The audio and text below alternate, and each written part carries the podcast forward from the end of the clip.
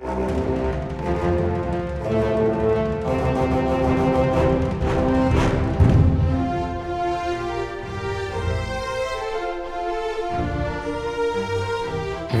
til Frankrike forklart, en podkast der du får svar på alt du lurer på om Frankrike.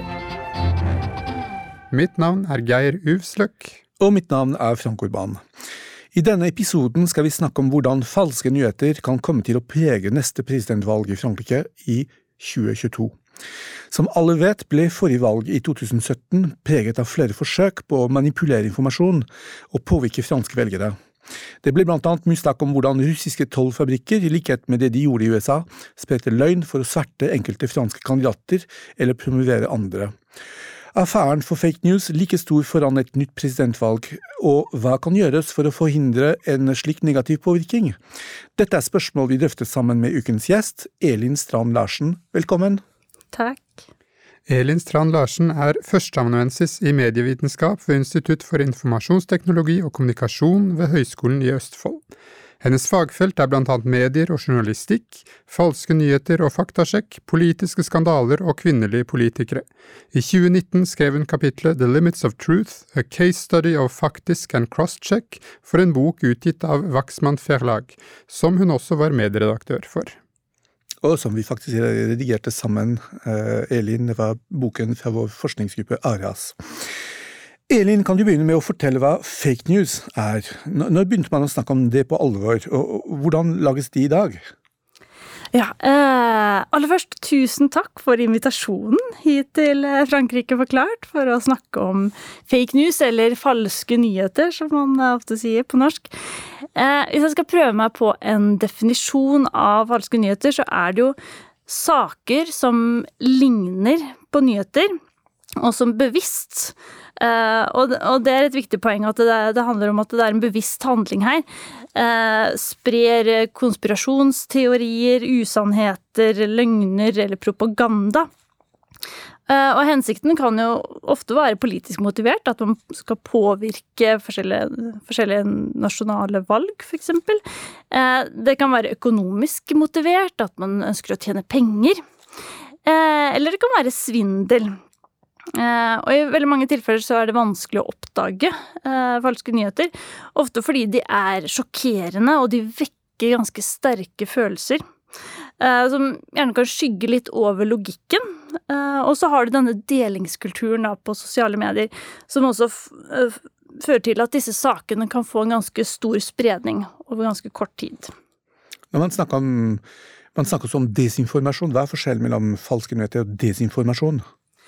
Um, altså, man, man, kan snakke om måte, eh, det handler jo om en viss bevissthet her, da. At det er uh, misinformasjon og desinformasjon er jo en sånn forskjell på uh, i hvilken grad man vet Altså, man ønsker å spre en falsk nyhet, eller om man rett og slett har Ja, at man av uh, ulike grunner gjør feil, eller at man At, at det er på en måte um, litt ukorrekt eh, deling av informasjon.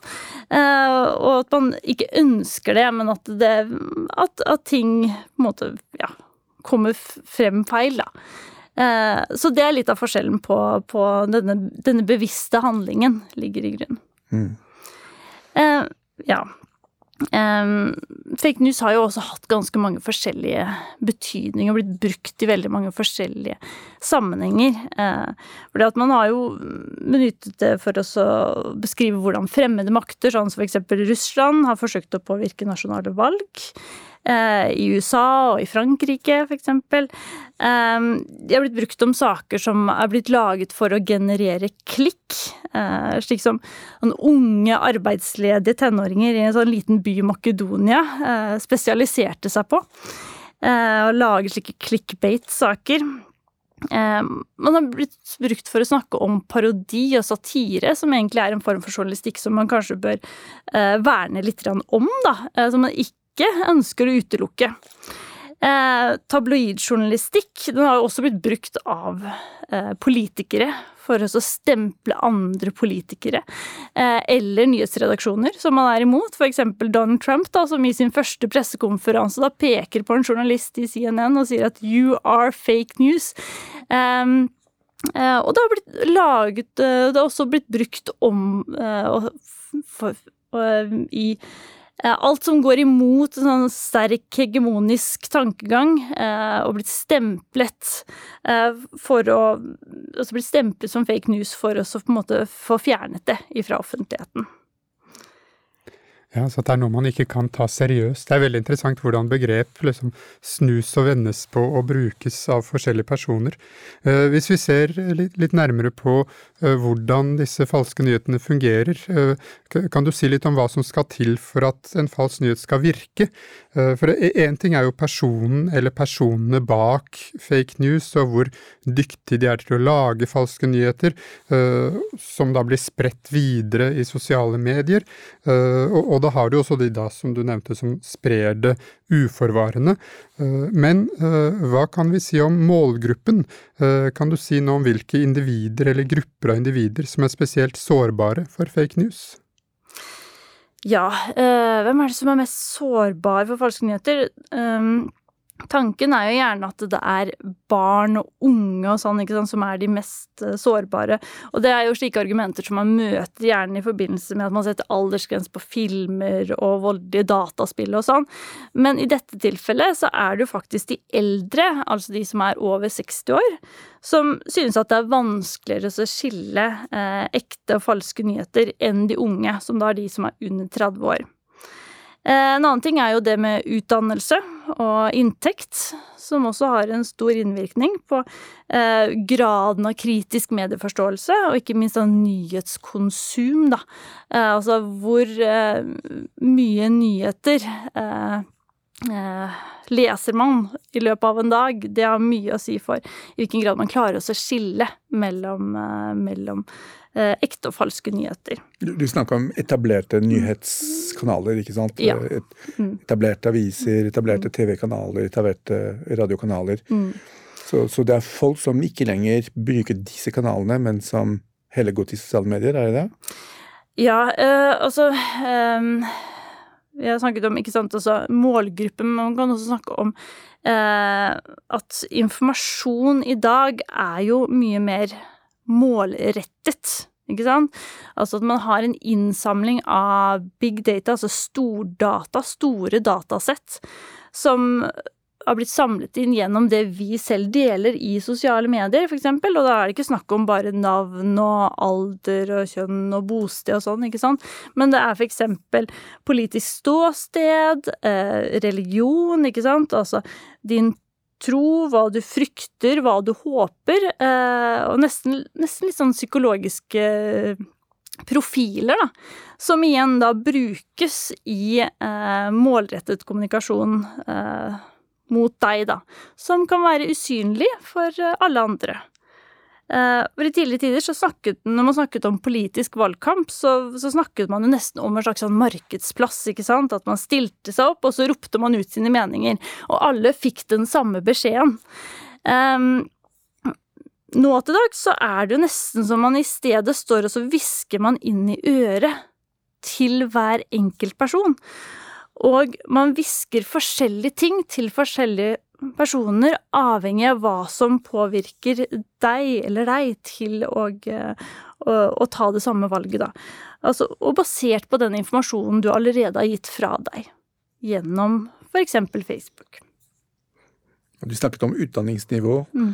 Det er, altså, er det en helt klar kobling mellom utdanningsnivå og bruk av sosiale medier og fake news?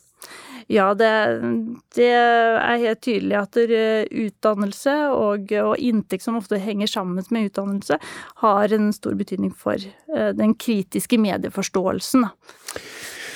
Snakk om et konkret tilfelle. I, så presidentvalget i Frankrike i 2017 ble eh, forsøkt manipulert av flere aktører. Noen med kobling til Kreml, eh, som eh, Eh, TV-kanalene Russia Today eh, eller Sputnik, eh, eller fra nordamerikanske aktører som alt-right-bevegelsen, med kanaler som Reddit eller 4chan. Altså folk vil kanskje huske Macron Leak-saken rett før andre omgang av valget i 2017. Hva ville disse trollene kan, du nevne noen eksempler på fake news som kom under den valgkampen i 2017? Ja. Eh, det var jo en rekke rykter og falske nyheter som sirkulerte under den franske presidentvalget i 2017. Og, det gikk på flere. Det gikk jo uh, mye på Emmanuel Macron. Uh, det gikk på Le Pen, det gikk på Ifyot, på Mélenchon. Uh, men ikke overraskende så var det jo da Macron og Le Pen som var involvert i de fleste falske nyhetene. Altså de to som gikk videre til annen valgomgang tilbake i 2017. Um, en av de mest kjente sakene gikk jo på at eh, Macron hadde en eh, bankkonto på Bahamas, hvor han da skjulte sin formue for å unngå fransk beskatning. Uh, og denne historien den hadde vært oppe i flere omganger tidligere, uh, men fikk jo da nytt liv igjen. Uh, og ble også da postet igjen samtidig med at det går en TV-debatt mellom Macron og Le Pen. Og i denne TV-debatten så sier da Le Pen at vi får da endelig håpe at vi ikke får beskjed om at Macron har skjult en bankkonto i utlandet. Eh, I tillegg så ble jo eh, selve valgkampen til Macron ble jo både hacket, eh, og flere av e-postene deres ble jo lekket. Iblandet en del falske dokumenter for igjen da spre feilinformasjon og tvil. Og timingen av denne lekkasjen er jo også interessant, da, med tanke på at den kom jo da rett i forkant av den såkalte eh, stille perioden. Altså den perioden fra midnatt natt til lørdag fram til valget på søndag, hvor verken da politiske kandidater eh, eller myndigheter skal uttale seg om valget. Så dette får jo da sirkulere eh, helt fritt, helt uimotsagt på nett. Eh, på grunn av denne loven, som, eh, som, på en måte skal begrense ytringer i denne perioden. Um, det har jo vært flere uh, saker uh, om, om, Macron. Uh, altså det har jo gått på rykter som at han er homofil, at han har et forhold med sin stedatter. Eh, at han alltid vasker hendene etter å ha håndhilst på arbeidere. Det er jo veldig interessant også å tenke på nå, liksom, eh, i etterkant av covid og sånn, liksom, det er klart man vasker hender, ikke sant, etter at man har hilst på noen. Um, men da så var jo det veldig sånn fokus på at ja, nei, etter at han hilste på arbeidere, da, da, vasket han hender. At valgkampen hans ble finansiert av Saudi-Arabia.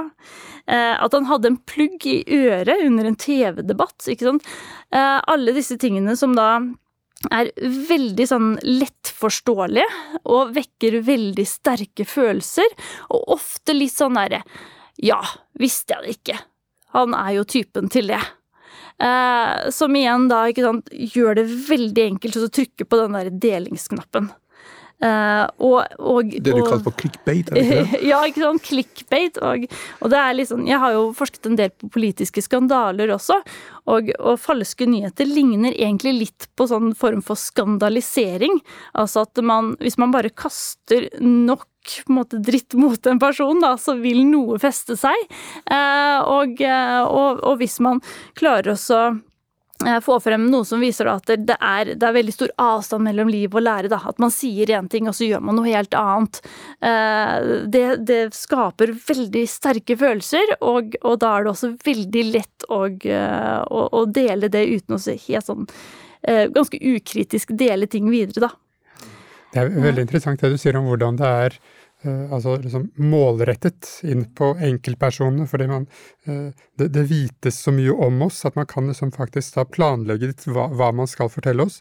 Og så er det en kombinasjon av det med at det kommer en sånn masse av nyheter, uh, utrolig mye samtidig, og i tillegg til det så er det da nettopp at dette er så skandaløst at det er liksom sånn Kan nesten ikke tro det er sant.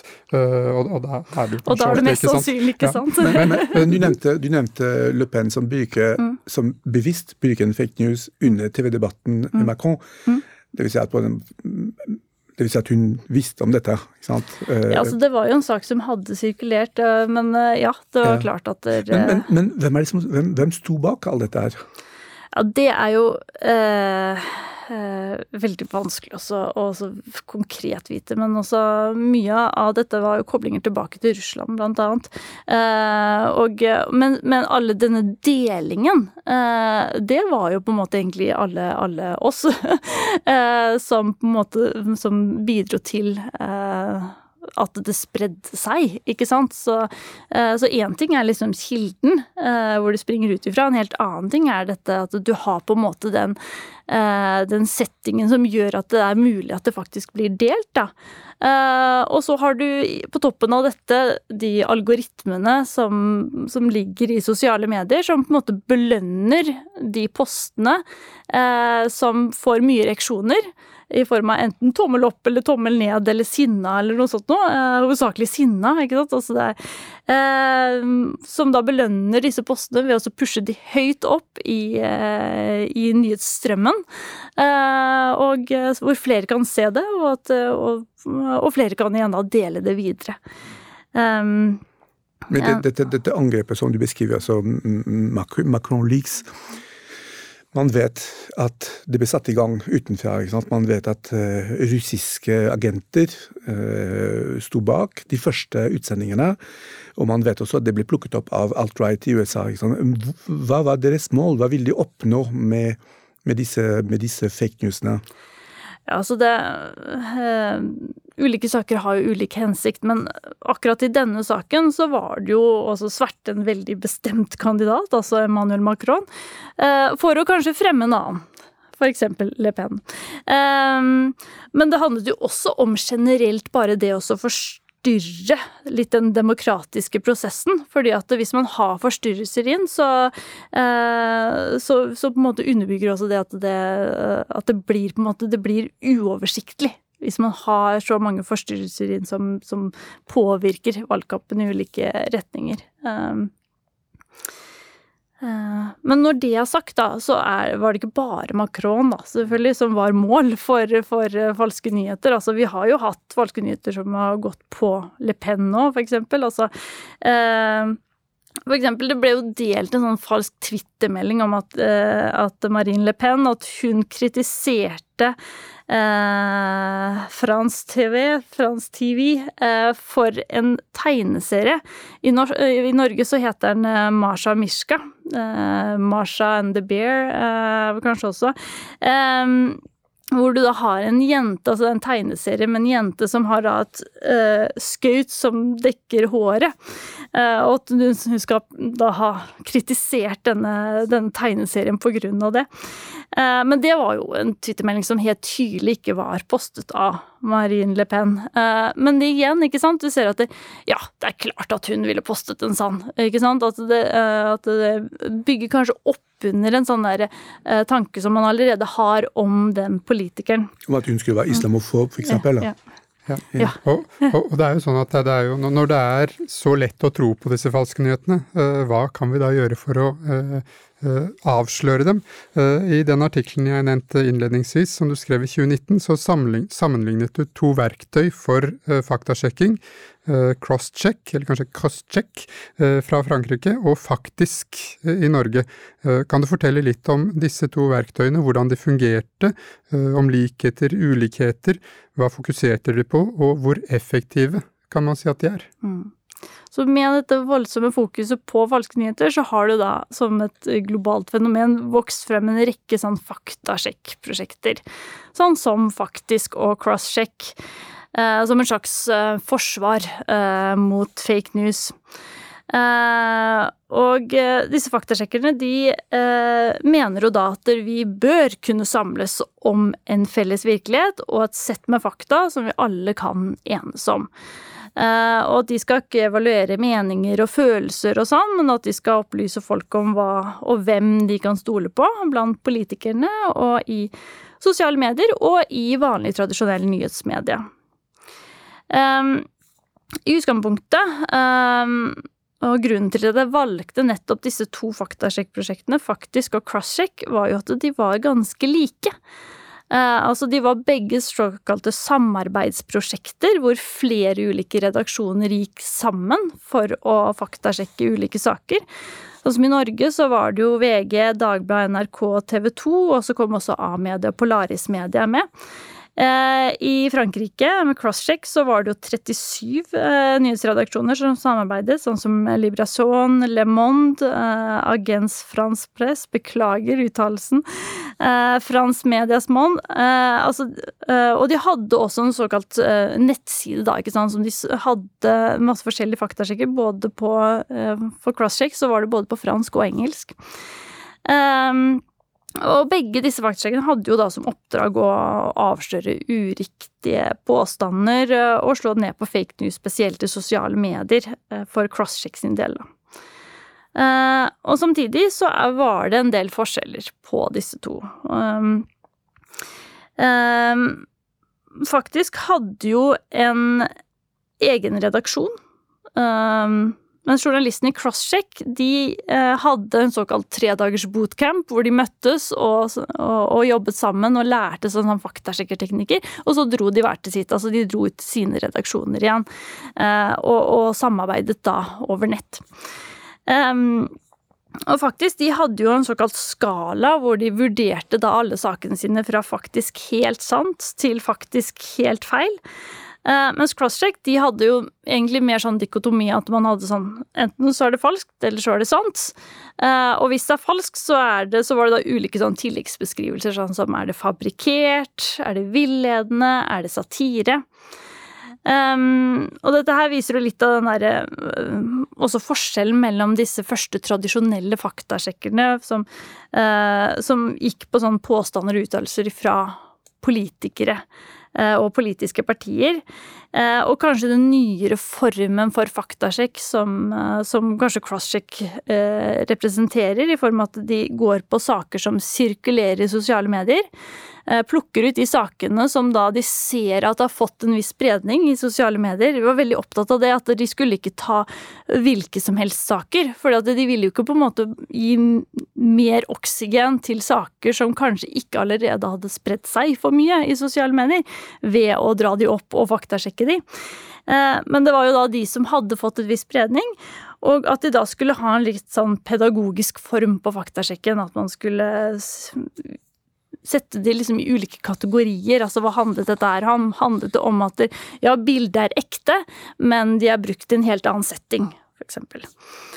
Um, politikerne som var involvert i disse faktasjekkene, var jo uh, også de som lå an til å vinne i, i Norge og Frankrike.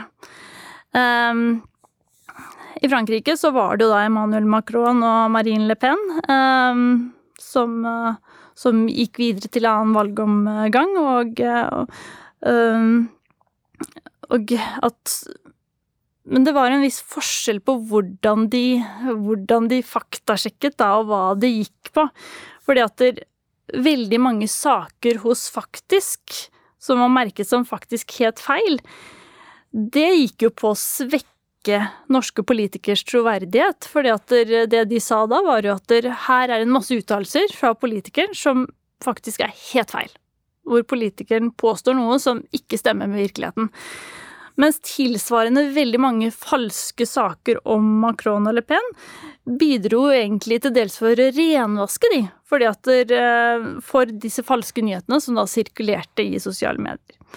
Eh, og etter valget så annonserte jo også Macron en sånn egen lov for å bekjempe falske nyheter og beskytte demokratiet. Det kommer jeg sikkert tilbake til.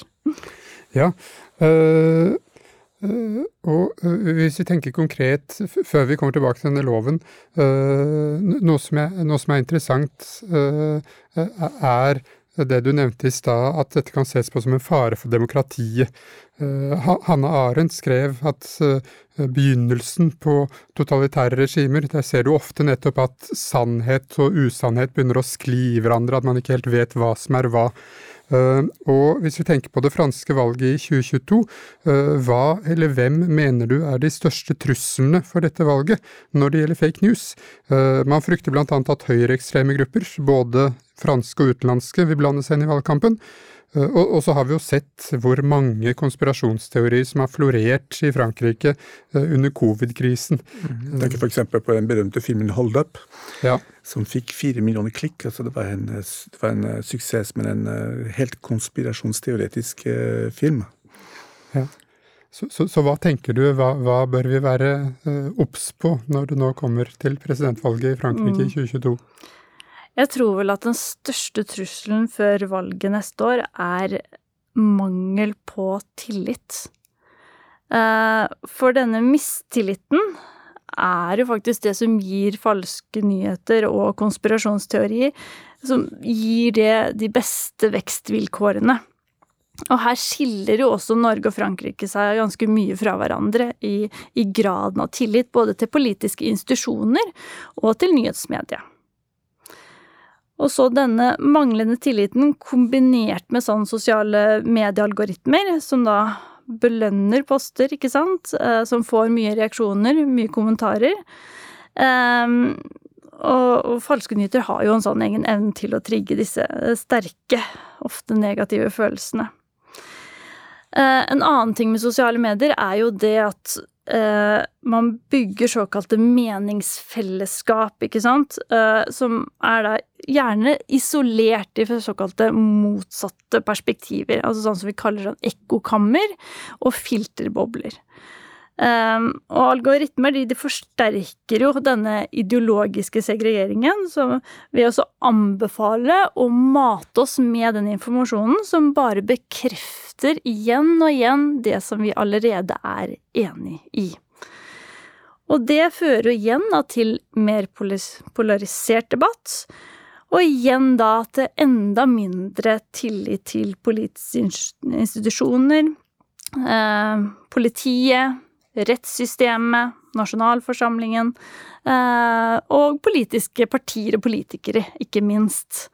Eh, så det blir på en måte en slags ond sirkel eh, hvor, hvor mistilliten bidrar til at fake news, falske nyheter, får vokse, og som igjen da bare blir forsterkende effekt.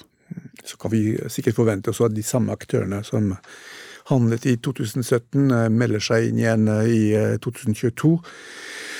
Eh, og da tenker man både på eksterne aktører som de russiske trollene, men også alt-right-bevegelsen, som ikke har blitt svakere i USA, tvert imot. Og, og så kan man tenke at, at disse aktørene, disse eksterne aktørene kan, kan Eh, støtte seg på interne aktører, eh, som også er veldig aktive på sosiale medier, blant annet. Og vi vet også at, eh, at ytre høyre grupperinger i Frankrike er jo blant de mest aktive på, på, i sosiale medier. Og dermed så kan man forvente, dessverre, at, at de vil også spille på lag med, de, med noen eksterne aktører, at man får et sånn spillover-effekt.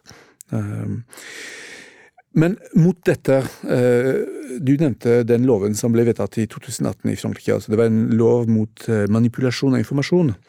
Eh, og Macron nedsatte ganske nylig en, en ny kommisjon som skal se nærmere på effekten av den digitale revolusjonen. Og den effekten den har på, på samfunnet generelt og på demokratiet. Og så har man nylig etablert et generalsekretariat for nasjonalt forsvar, forsvar og sikkerhet for å motvirke spredningen av falske nyheter i sosiale medier. Mange som mener at den kommisjonen eller at dette, dette nye generalsekretariatet ikke kan fungere fordi mesteparten av disse falske nyhetene de produseres ute, uh, utenfor landets grenser, og dem er de vanskelig å kontrollere. Uh, og de er vanskelig å retts, uh, rettsfølge. Hva kan man gjøre? Du snakker om tillit, mangel på tillit, eh, undergravet, svekket tillit. Hva kan man gjøre for å motvirke disse, disse falske nyhetene? Det er et godt spørsmål. Eh, jeg har liten tro på lover og nasjonale rettssystemer for å stoppe falske nyheter. Eh, for det ligger jo også en del makt, og det knytter seg egentlig til det jeg sa innledningsvis, om at det knytter seg en del makt til det å kalle noe fake news også. Eh, å stemple noe og slå noe ned som fake news. Eh, Eh, faktasjekk, som vi har vært innom, er jo én mulighet til å påvirke spredningen av falske nyheter, men samtidig så kan man jo da stille spørsmål seg ved om man klarer å nå ut til de som trenger å høre det, da. At det, eh, at det kanskje egentlig er kun de som i utgangspunktet har en kritisk medieforståelse, som er da storforbrukere, og som leser disse faktasjekkene, så at man egentlig taler til sin egen menighet. Um, jeg har tro på at man må i mye større grad eh, involvere sosiale medieplattformer. Um, at de må holdes i større grad ansvarlig, og at de også må ta del i kampen om fake news. Eh, gjerne i samarbeid med faktasjekkerne. Eh, og det ser man også at man har eh, fått flere sånn samarbeid som går på tvers av sosiale medieplattformer, særlig Facebook og sånn, som har gått i samarbeid med f.eks. Faktisk og, og andre faktasjekkere. For å, å, å å informere da personer før man deler enkelte saker, at her er det eh, noe som ikke er helt riktig, her er det eh, manglende data, her er det fremstilt på en litt feil måte, før man da eh, velger å dele det videre. Um, det, var jo, nå, det, var jo, det Twitter gjorde under den amerikanske ja. valgkampen, ikke sant? Og på dette tidspunktet hvor vi driver og spiller inn denne, denne podkasten, så har det jo nettopp vært en såkalt varsler som har gått ut og, og snakket uh, på vegne av Facebook, da, eller som har, som har jobbet for Facebook tidligere, og, og, og, uh, og som til dels uh, slakter Facebook i forhold til hvilken grad de de sitter på veldig mye data om, uh, om hvordan f.eks.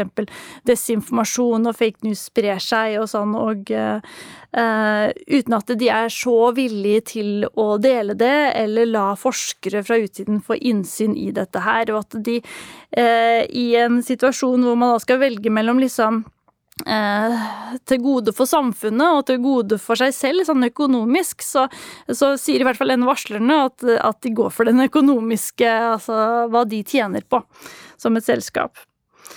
Um, men likevel så tror jeg at eh, et godt poeng er dette, dette samarbeidet mellom eh, ikke bare ulike redaksjoner, for det har de jo innsett at en redaksjon alene klarer ikke å stoppe dette her. Det må være et samarbeid mellom redaksjoner. Eh, da får man kanskje også større tillit til det, når det er ulike redaksjoner som kanskje også står litt utover spekteret sånn politisk, går sammen og, og sier at dette her er falske nyheter. Eh, men også samarbeidet med, eh, med f.eks. Facebook og Twitter. Eh, eller så er det jo da god gammeldags kildekritikk på pensum. Her har jo Medtilsynet i Norge og faktisk har jo blitt ganske gode på å drive med sånn kursing, skoleopplegg, som er rettet mot barn. Men de har jo også da sett at dette her må jo også rettes mot de eldre. For det er jo de som kanskje har enda vanskeligere med å skille mellom eh, riktige og riktige nyheter. Mm. Som har tid til å kaste bort i sosiale medier. Ja. ja, altså viktig å opparbeide den mm. kritiske mediebevisstheten hos mm. alle. Uh, men på slutten av hver episode så ber vi vår gjest om å komme med en fransk anbefaling. Så hva er din anbefaling til lytterne våre, Elin? Ja, eh, min anbefaling eh, er litt på siden av dagens tema, men samtidig ikke helt. For er det noe som skaper mye engasjement og sterke følelser, eh, og, og ikke minst falske nyheter og konspirasjonsteorier, så er det dette med klimaendringer. Eh, og jeg vil gjerne få anbefale en episode fra en dokumentarserie som heter Sinking Cities. Eh, hvor de da tar for seg utfordringer knyttet til flom og oversvømmelser i Frankrike og Paris spesielt. Her viser de da til en storflom i 1910 hvor da seien steg og steg over åtte dager, og det førte da til at hele sentrum av Paris ble jo til et slags Venezia, eh, men istedenfor vann så var det jo da kloakk som fløt i gatene. Eh, og utfordringen er jo ikke mindre i dag med, med, at alt ligger jo under grunnen i Paris. ikke sant? Det er strøm, det er vann, det er kloakk, det er T-bane, det er tog. Eh, veier, eh, og man jobber jo da på spreng for å unngå de store ødeleggelsene, som da styrtregn og elver som går over sine bredder og da truer helt livsnødvendig infrastruktur. Og dette ser vi også stadig oftere, senest i 2016 og i 2018 så har vi jo hatt tegn som har gått over sine bredder. Tusen takk. Eh, Frank, har du også en anbefaling? Ja, Det har jeg, Geir. Eh, jeg valgte boken 'Falske nyheter, løgn, desinformasjon og propaganda i den digitale offentligheten' fra 2019, eh, som er skrevet av førsteamanuensis ved Høgskolen Kristiania, Bente Kalsnes. Hun tar et dypdykk i falske nyheter, postsannhet og alternative fakta, og viser hvordan falske nyheter og desinformasjon kan være en alvorlig trussel mot demokratiet. Og jeg vil også anbefale artikkelen til Elin i, i Arias-boken, den har vi i referanse. Så skal hilse fra Kjerstin, som anbefaler appen til Radio France. Den samler alle de beste franske podkastene i én og samme app. Her finner du de beste programmene fra blant annet France Inter, France Info, France Kultur, og du kan søke på dem etter kategorier, f.eks. Eh, politikk, historie, sport eh, osv. Det er perfekt for alle podkastfans som vil ha en daglig dose fransk på øret. Veldig bra, Frank. Og hvor finner vi eh, lenkene eller informasjonen om eh, alle disse tipsene? Det finner vi på vår Facebook-side, Geir. Og i tillegg til det, så har vi fortsatt disse veldig spennende kronikkene som vi skriver, og som utgis av, eh, eller i eh, forskning.no og Transittmagasin, hvor vi tar et sideblikk på aktuelle, det aktuelle temaet som vi, som vi eh, tar opp i dag. Så for å lære litt om Frankrike, for å få Frankrike forklart, så kan man altså både lytte og lese. Da gjenstår det bare å takke vår gjest Elin Strand Larsen, så høres vi igjen i neste episode av Frankrike forklart. Au revoir! Frankrike forklart er et samarbeid mellom Universitetet i Oslo og Høgskolen i Østfold. Podkasten er støttet av Det norske universitetssenteret i Paris og Institut Francais i Oslo og har full redaksjonell frihet. Abonner på Frankrike forklart på iTunes, Spotify eller på andre plattformer der du lytter til podkast. Har du kommentarer til oss eller forslag til temaer vi bør ta opp, kan du sende inn det via vår Facebook-side Frankrike forklart. Her vil du også finne referansene som nevnes i dagens episode.